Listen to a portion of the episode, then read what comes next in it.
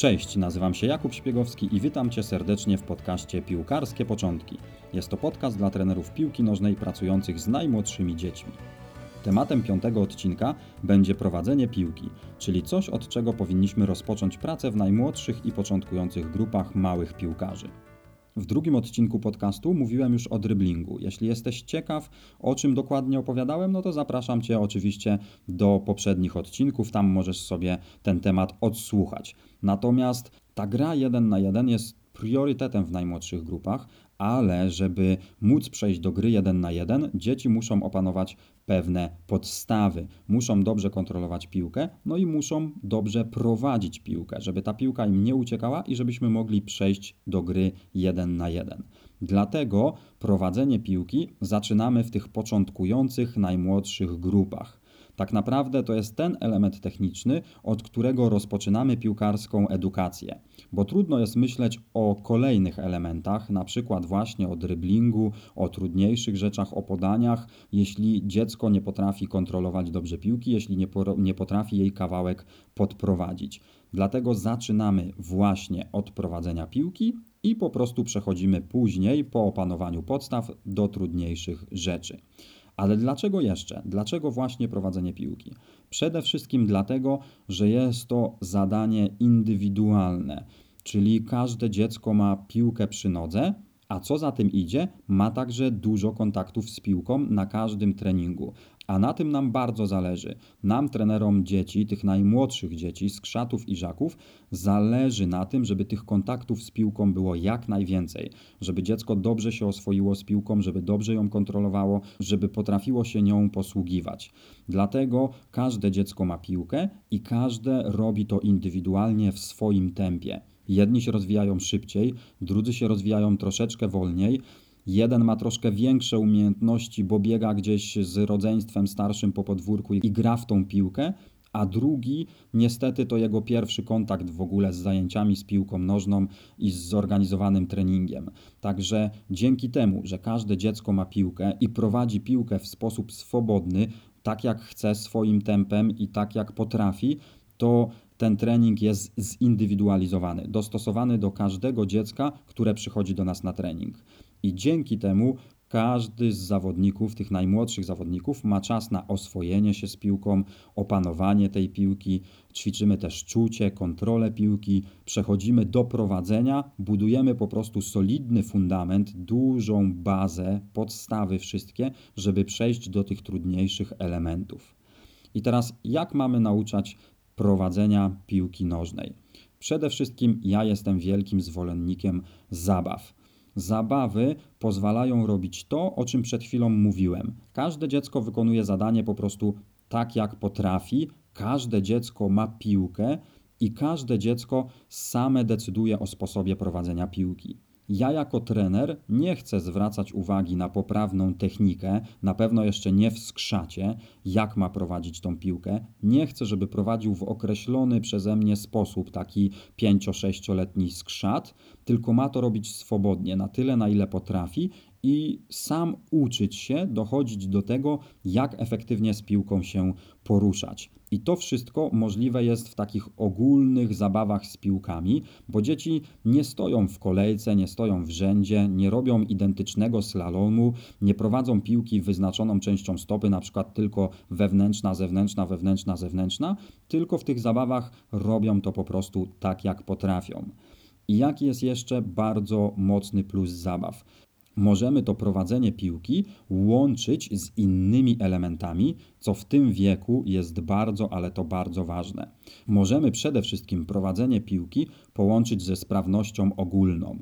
Wszelkie takie zabawy, jak na przykład e, pożar, powódź, wichura, gdzie dzieci prowadzą piłkę, ale na sygnał trenera, gdy krzyknę na przykład wichura, muszą zatrzymać tą piłkę i położyć się na ziemi na brzuchu. Wplatamy tutaj sprawność ogólną, ogólny ruch i tego typu zabawy, jak na przykład samochody. Gdy mamy światło żółte, zielone, czerwone, to na przykład na czerwone zatrzymują piłkę po prowadzeniu właśnie, a na żółte wykonujemy bieg w miejscu, takie podnoszenie wysokie kolan, może trochę skipowania, żeby przygotować się do prowadzenia piłki. I w różnych tego typu zabawach możemy właśnie robić bardzo, bardzo dużo takich wstawek ogólnorozwojowych. Poza tym zabawy też łączą prowadzenie piłki z orientacją przestrzenną i z czasem reakcji. Jeśli mamy zabawę na przykład stadiony, czy właśnie samochody i ustawimy jakiś garaż, to wtedy na sygnał trenera dzieci muszą obejrzeć się dookoła, zorientować się, gdzie jest ten garaż na przykład przy samochodach, albo gdzie jest niebieski, żółty czy czerwony stadion, który nazywam nazwą klubu, który ma koszulki o takim właśnie kolorze, czyli na przykład jak krzyknę Manchester United, to dzieci muszą poprowadzić na czerwony stadion, czyli kwadrat ułożony z czerwonych stożków, więc mamy tutaj dużo orientacji przestrzennej i czasu reakcji. Poza tym dzieci też prowadzą piłkę między sobą, muszą cały czas się rozglądać, mieć uniesioną głowę i omijać wszystkich kolegów. Także tych elementów jest bardzo, bardzo dużo i dzięki temu dzieci rozwijają się wszechstronnie, bo orientacja przestrzenna i czas reakcji to są też dwie składowe koordynacji czegoś, co jest niezwykle ważne w tym wieku. Dlatego ja tak bardzo lubię te różnorodne zabawy na prowadzenie piłki z różnymi dodatkami, czy to sprawnością ogólną, czy orientacją przestrzenną, czy czasem reakcji, czy nawet rywalizacją, bo może być zadanie wykonywane na punkty. Mogą prowadzić e, w określone miejsce i kto pierwszy otrzymuje punkt. Może być dla ostatniego zawodnika, który się gdzieś zagapił, zadanie dodatkowe ruchowe. A mogą być takie zabawy jak na przykład łowca bramek, czyli mamy na polu rozstawione bramki ze stożków, dużo tych bramek i dzieci muszą prowadzić od bramki do bramki, jak najwięcej bramek zaliczyć i liczą głośno punkty. I ta rywalizacja między nimi, gdy głośno liczą punkty, też podkręca intensywność treningu, tempo tego prowadzenia. Dzieci nie prowadzą powoli, niedbale, byle jak piłki, tylko dzięki temu, że mają zabawę z rywalizacją, liczą sobie punkty, to prowadzą ją jak najszybciej, jak najlepiej potrafią, żeby ta piłka im nie uciekała, bo wtedy będą mogli zdobyć więcej punktów. Także naprawdę uważam, że dobre, mądrze przemyślane zabawy są na tyle wszechstronne, że idealnie pasują na treningi skrzatów i żaków, bo mamy prowadzenie piłki, mamy kontrolę piłki, mamy inne elementy, o których przed chwilą powiedziałem. I prowadzenie piłki też może być elementem małych gier, zwłaszcza tych gier 2 na 2, 3 na 3, bo nie chodzi o to, żeby samym celem gry było prowadzenie piłki, ale żeby to prowadzenie piłki było środkiem do celu. Czyli nawet jeśli mamy grę bułgarską, gdzie trzeba przeprowadzić piłkę przez linię końcową, by zdobyć punkt, no to tam jest dużo prowadzenia, ale po to, żeby dotrzeć w konkretne miejsce i zdobyć punkt. Można też przeprowadzić piłkę przez małe bramki. Na przykład po odzyskaniu piłki zawodnicy wyprowadzają je na przeciwległą stronę i muszą przejść przez małą bramkę. Albo jeśli nie lubisz tego typu gier i nie chcesz stosować gier, gdzie nie ma bramek, to możesz dodać strefę strzału. Strefy strzału też wymuszą w takiej grze 2 na 2 dużą ilość prowadzenia, dryblingu i dopiero gdy dziecko wejdzie w strefę strzału, która znajduje się powiedzmy 3 metry od bramki, to może strzelać. Więc Poza zabawami także są małe gry, gdzie można tego prowadzenia piłki nauczać, można je doskonalić i naprawdę dobrze pracować nad tym elementem, w połączeniu oczywiście z dryblingiem, ze strzałami, z innymi elementami. I teraz na co zwracać uwagę, na jakie detale, na jakie szczegóły przy nauczaniu prowadzenia piłki. Bo jakiś czas temu powiedziałem, że nie na technikę wykonania, że w skrzatach jest to jeszcze za wcześnie. Dzieci prowadzą swobodnie, tak jak potrafią, różnymi częściami stopy, wszystkimi częściami stopy, tak żeby po prostu osiągnąć cel zabawy czy gry. Więc na co my jako trenerzy powinniśmy zwracać uwagę? Przede wszystkim na to, by prowadziły piłkę dwoma nogami. Obie nogi, i lewa, i prawa, używamy obu nóg od samego początku, bo wtedy łatwiej dzieciom jest ten element opanować. Poza tym na percepcję, o której też już wspominałem, na orientację przestrzenną, czyli głowa w górze, omijamy kolegów, z nikim się nie zderzamy, a do tego stosujemy zabawy, gdzie trzeba gdzieś na sygnał trenera, czy na podniesiony stożek, czy na jakiś inny bodziec pobiec w określone miejsce. A poza tym, kolejna rzecz, no to na częsty kontakt z piłką. Wiemy wszyscy, że jest prowadzenie bliskie, dalekie i w zależności od celu tego prowadzenia trzeba piłkę prowadzić inaczej i dotykać ją częściej lub rzadziej. Ale w tych najmłodszych grupach, w grupach skrzatów, niech to będzie to prowadzenie bliskie. Jak najwięcej kontaktów z piłką, żeby dzieci szybciej uczyły się dobrze nad nią panować, dobrze kontrolować piłkę.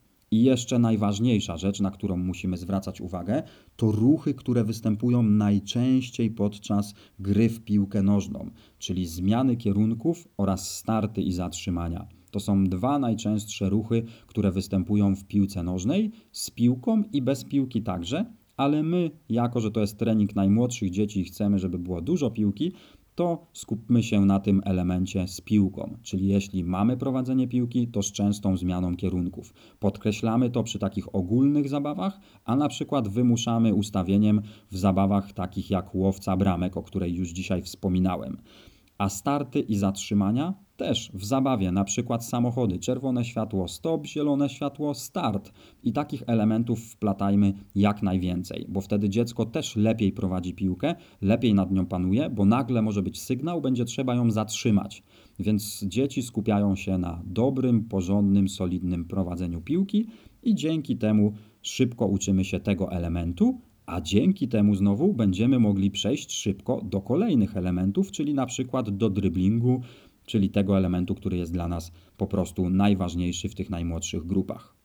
Także podsumowując, prowadzenie piłki to początek, początek, który też trzeba łączyć z innymi elementami. Od niego zaczynamy, jeśli chodzi o piłkę nożną, bo to jest najprostsze i podstawowe działanie, ale łączymy to także ze sprawnością ogólną, budujemy skarb ruchowy. Dzieci robią to swobodnie, tak jak potrafią, bo my chcemy zbudować fundamenty. Fundamenty w tych najmłodszych grupach to motoryka, sprawność ogólna, skarb ruchowy, koordynacja, no i piłkarsko właśnie prowadzenie piłki oraz oczywiście dobra zabawa, atrakcyjny trening, żeby dzieci przez odpowiednie zaplanowanie treningu efektywnie się uczyły tych wszystkich elementów.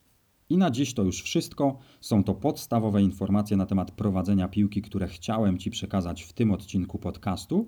Pamiętaj, że właśnie od prowadzenia piłki powinniśmy rozpoczynać piłkarską edukację z najmłodszymi dziećmi, a jeśli szukasz ciekawych zabaw na ten element, to koniecznie sprawdź moją książkę Zabawy piłkarskie dla najmłodszych. Tam jest tego typu zabaw naprawdę dużo. Tego typu zabaw, o których wcześniej mówiłem w tym odcinku.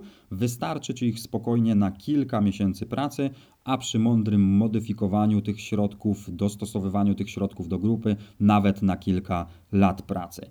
Książkę tą możesz zamówić na stronie www.piłkanożnadladzieci.pl łamane na zabawy myślnik piłkarskie, myślnik dla, myślnik najmłodszych i ten link znajdziesz w opisie tego odcinka, ponieważ jest dosyć długi, albo możesz też wejść na stronę www.piłkanożnadladzieci.pl łamane na sklep i tam wśród naszych materiałów edukacyjnych znaleźć właśnie książkę Zabawy piłkarskie dla najmłodszych. Na dziś to już wszystko. Dziękuję Ci za przesłuchanie tego odcinka i do usłyszenia za tydzień.